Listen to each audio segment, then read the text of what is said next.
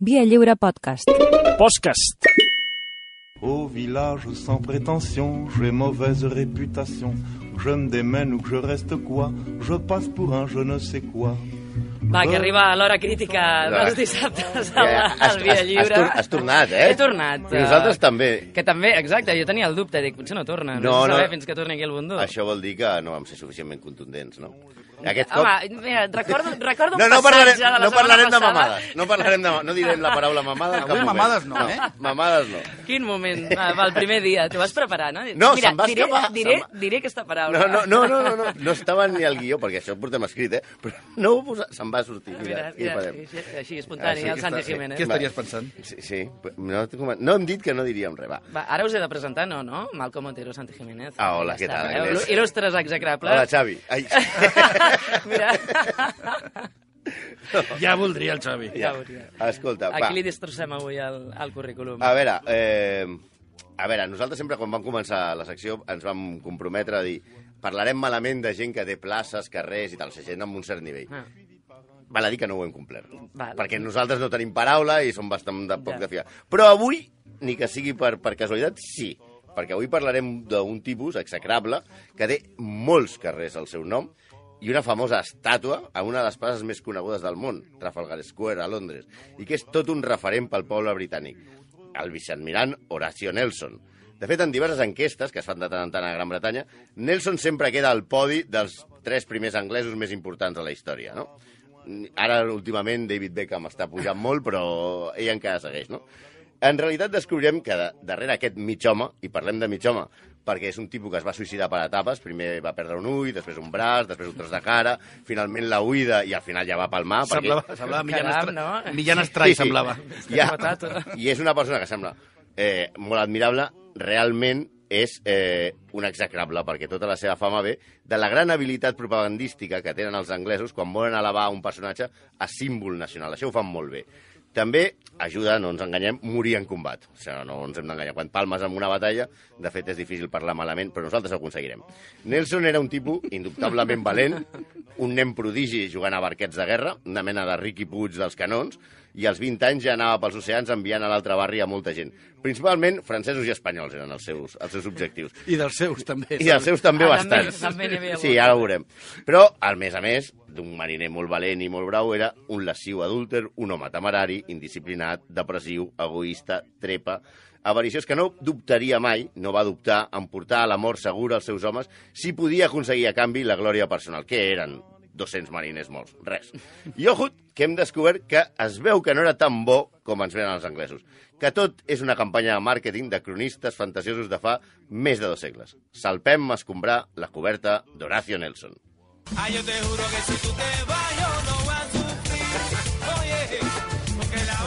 Bueno, Agnès, ja tens Aviam, banda aviam. sonora de dissabte, ja la tens. Totalment, tu, què és això? Això és, S'ha d'explicar. això és Nelson Manuel i la Corte. Molt bé. Perquè- Nelson Manuel. Nelson, perquè el primer retret que li hem de fer al personatge és que, sense ell, ni la campanya que vas muntar per vendre la seva llegenda, la meitat de la població del Carib es diria, ara d'una altra manera, hi ha més Nelsons tocant salsa que a la Cambra dels Lords. Però la realitat, la realitat és que al nostre xaval li van posar Horatio, o sea, Horacio, eh, en honor, en honor de Quinto Horacio Flaco, el poeta romà, famós per la seva epístola a los pisones, a los Martínez de Pisones. El seu pare era el reverent Edmund Nelson, i ja hem vist amb bastants execrables que tenir un pare capellà no sembla la millor idea del món. El pin parental, aleshores, no era necessari. No, ja, ja el tenies a casa. Als 12 anys, el petit Nelson s'apunta a l'escola de l'Armada Britànica. Un lloc estrany en el que uns nens, vestits de carabinagre dels Sanfermines, manaven, quan tenien només 13 anys, a la selecció dels pitjors i més perillosos malfactors indesitjables i asocials.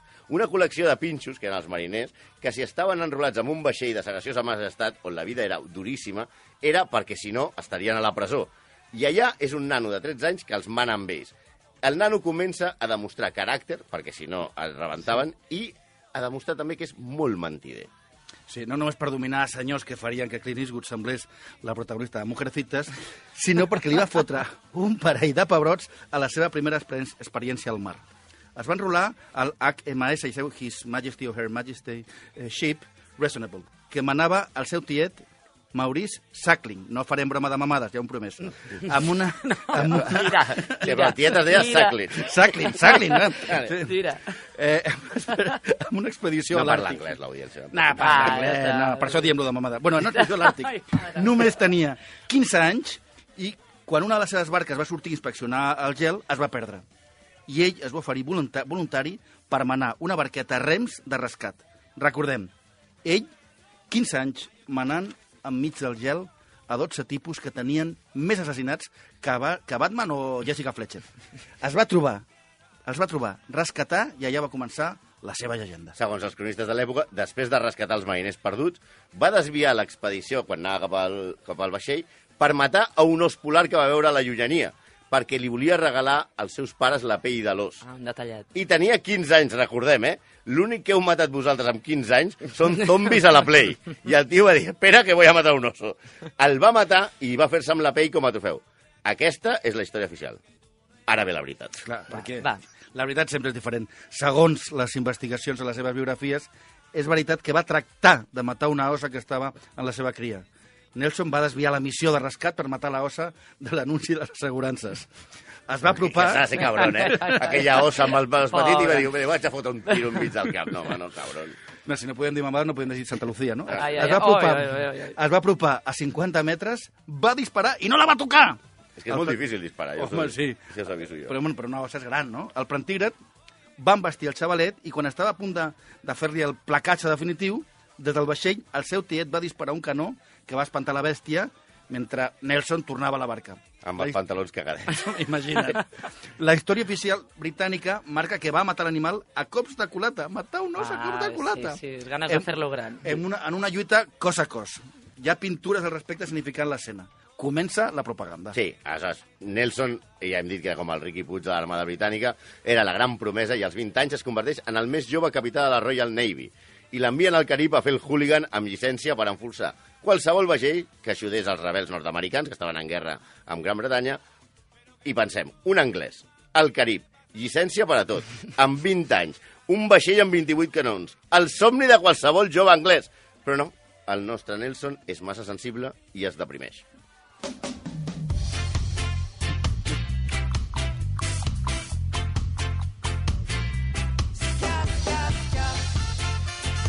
I en lloc de dedicar-se a fumar les herbes locals, fer-se rastes i ballar ska, el nano es pren molt seriosament la seva missió de perseguir vaixells i la veritat és que té molt poc èxit.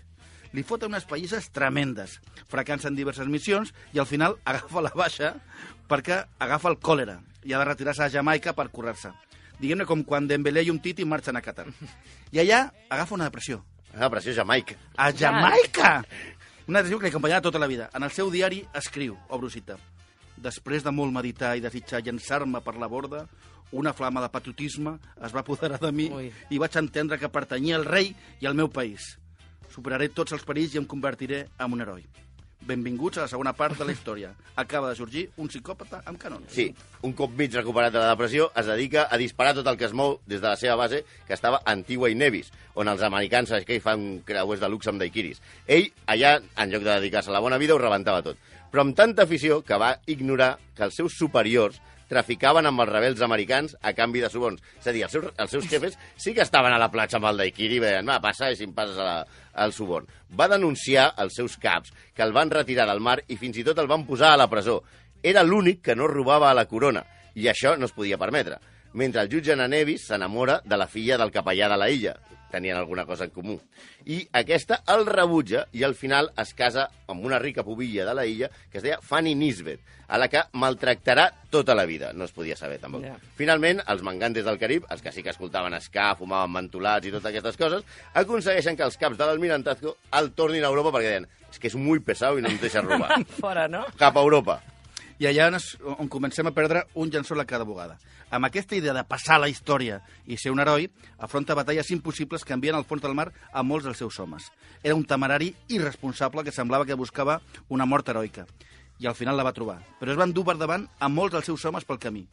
Ell, en canvi, ho va fer per, per, per feixicles. El setge de, Cors, de Còrsega va perdre l'ull dret.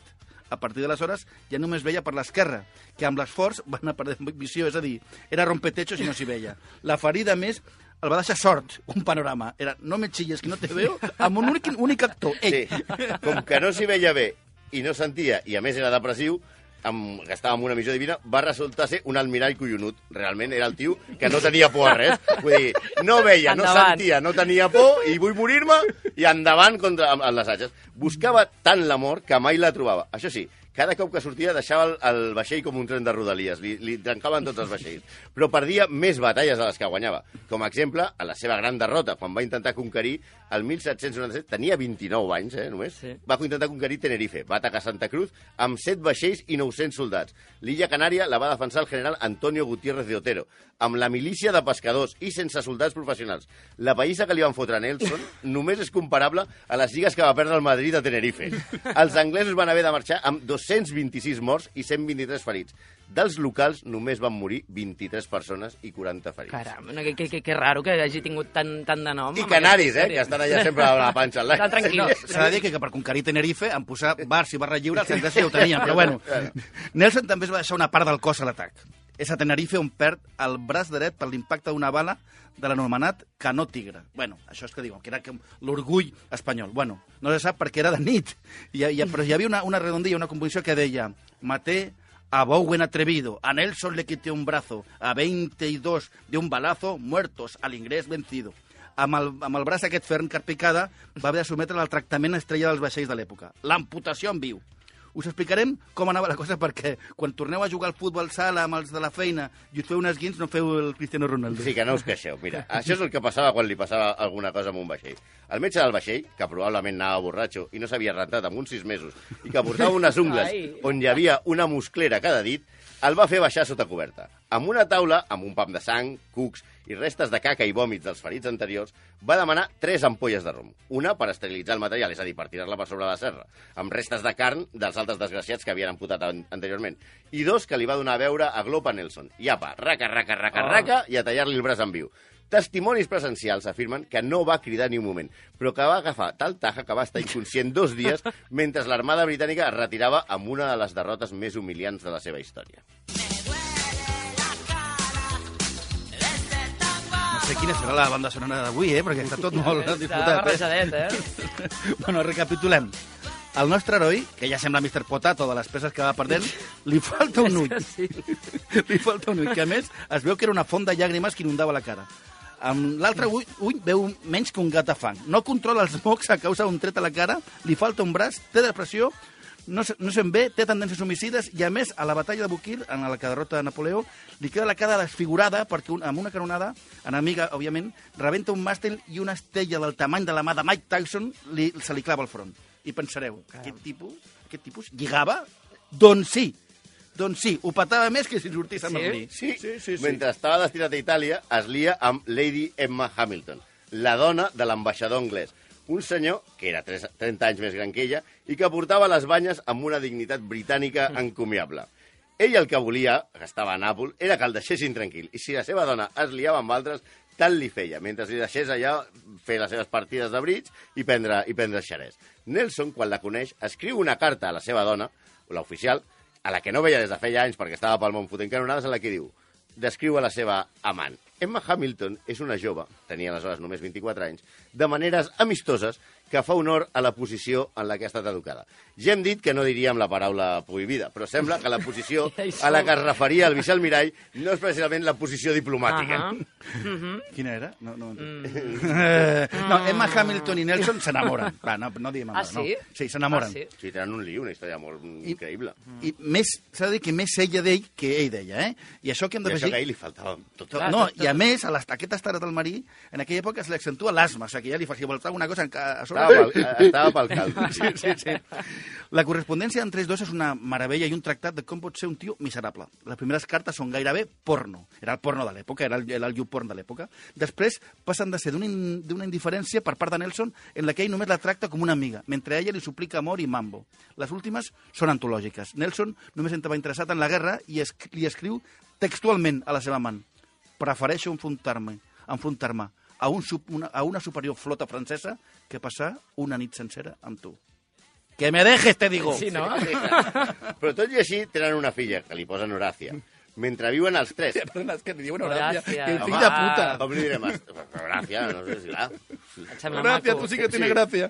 Bueno, sí, clar. Bueno, a mi no m'ha no sorprès, però bé, mentre viuen els tres, bueno, millor dit els quatre, perquè viuen Emma, Horacio, Horàcia i William, el de les banyes, perquè viuen tots junts a la mateixa casa, davant l'escàndol lògic de l'època. Nelson es divorcia de la seva dona al final i viu com a marit suposat de Lady Hamilton a la casa que s'ha comprat a Londres Mr. Hamilton, que mentre que no l'emprenyin, tot li sembla bé. No passa el mateix amb el comandament militar i, la, i, la, i les altes esferes, que per aturar l'escàndol envia el nostre Mr. Potato amb totes les seves peces a lluitar contra els francesos. S'ha de dir que ja per aquell temps Nelson tenia els jefes molt emprenyats. La seva fama d'indisciplinat i aprofitat feia que cap dels eh, almirats de la Royal Navy el suportessin. A la batalla de San Vicente va exigir més part del botí que els altres capitans dient que sense ell no s'hauria guanyat la batalla. Una mica així, com si Reina reclamés la selecció, va guanyar per ell. El comandant de la flota era el Comodoro Jervis, que era la veritable estrella i es va negar a concedir-li eh, a concedir-li. Nelson va desobeir les seves ordres, va posar en perill els altres vaixells i va estar a punt d'esgarrar-ho tot. Fins i tot va ser cridat a l'ordre i sancionat pel seu comportament. Això era una cosa habitual. A la batalla de Copenhague també va desobeir a Jervis, que va ordenar mitjançant senyals de banderes de vaixell a vaixell que deixés d'atacar i tornés amb el grup de vaixells. I ell, el Consell de Guerra posterior que li van fer per desobeir, va argumentar que no havia vist els senyals perquè s'havia posat el telescopi a l'ull sec. Mm. I ja diu, clar, és que, és que jo ja mirava però no veia res. Lo siento, no? I el tipus, Foscor i el- total! I el tipus es va quedar No tan ample. Ningú a la Royal Navy el suportava i ningú volia anar a una batalla amb ell perquè era un perill públic. Però si diem nosaltres no serveix per res. Anem als experts. Sense que serveixi de precedent, posarem unes veus assenyades. Sí. Aviam. Víctor San Juan, autor de 22 derrotes navales britàniques, que no sabem de què va el llibre, diu, Molt el, críptic. molt críptic el títol, diu, obro citat, la llegenda de Nelson s'ha exagerat. S'ha convertit en un element místic, però no va ser l'almirall anglès que- de tots els temps. Potser no està ni, el, ni entre els cinc millors. Els imperis necessiten mites, i Gran Bretanya el va declarar heroi nacional. Cunningham era millor que ell, Duncan o Jervis, però va tenir una mort gloriosa i heroica. Sí, també l'erudit José Luis Olaizola diu Nelson va protagonitzar actuacions catastròfiques, algunes molt conegudes, com el fracàs de Cádiz o a Tenerife, però va tenir la sort de triomfar i morir a Trafalgar.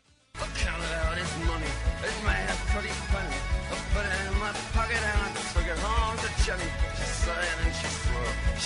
Aquesta cançó sí que és la nota nacional que diu Sí. Whiskey in the Jar.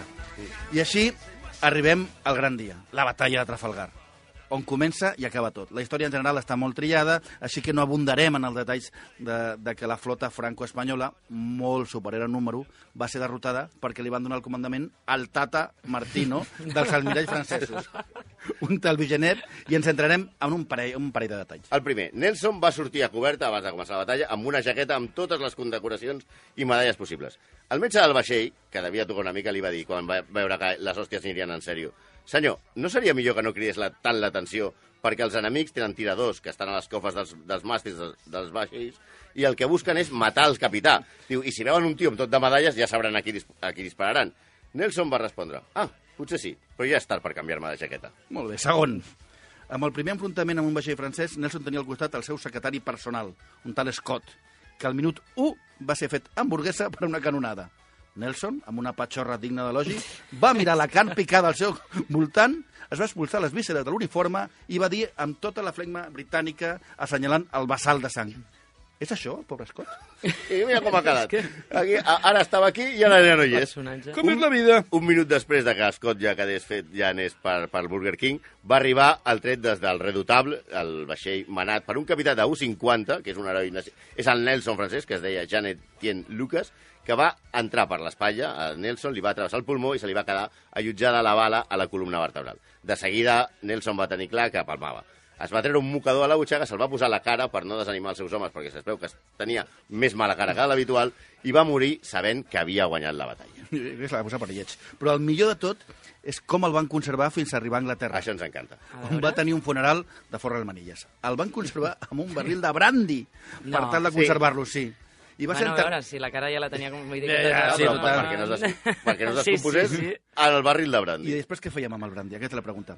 Diuen que els mariners se'l van veure. Uh, I Ah. després va ser enterrat amb un taüt fet íntegrament amb les restes del pal major de l'Orient, el buc insigne dels francesos, que ell havia enfonsat a Egipte. Sí, es veu que any abans un capità de la seva flota, en plan pilota, va recollir les restes de l'Orient després de la batalla, que era el vaixell més gran de la seva època, i va fer un taüt amb el màstil i amb les claus del mateix vaixell.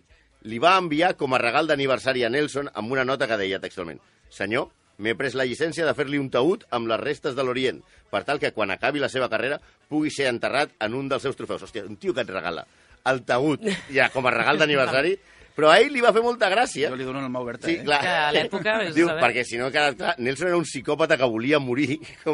I ell es va posar el taüt a la cabina i sempre viatjava amb el taüt. Què dius? Que Un, mal rotllo. I és que eren molt brutos aquests, aquests senyors. I com a prova, el seu gran adversari, el basc Cosme Davian Churruca, a qui també li agradava molt les pipes, i que també va morir a Trafalgar.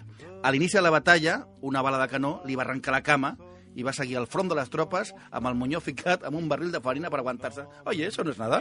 Era de Motrico, eh? Era, que Que tengo, bèstia, tengo dos. Si hagués estat en lloc... Era basco. Si hagués estat anglès en lloc de, de basc, què hagués passat? Pues ara tindria una plaça al mig de Londres. I, Era- I aquest pobre res, el Cosme Ai, Damián. Home, és, és, un, és un dels grandíssims herois i un mariner que està... Era, tothom diu que era molt millor que Nelson. Però tenia la cara sencera. Tenia la, sí, el que no tenia era la cama. La cama. que vagi bé, Malcolm i Santi, gràcies. Moltes gràcies. Bona setmana. Tout le monde viendra me voir pendu, sauf les aveugles, bien entendu.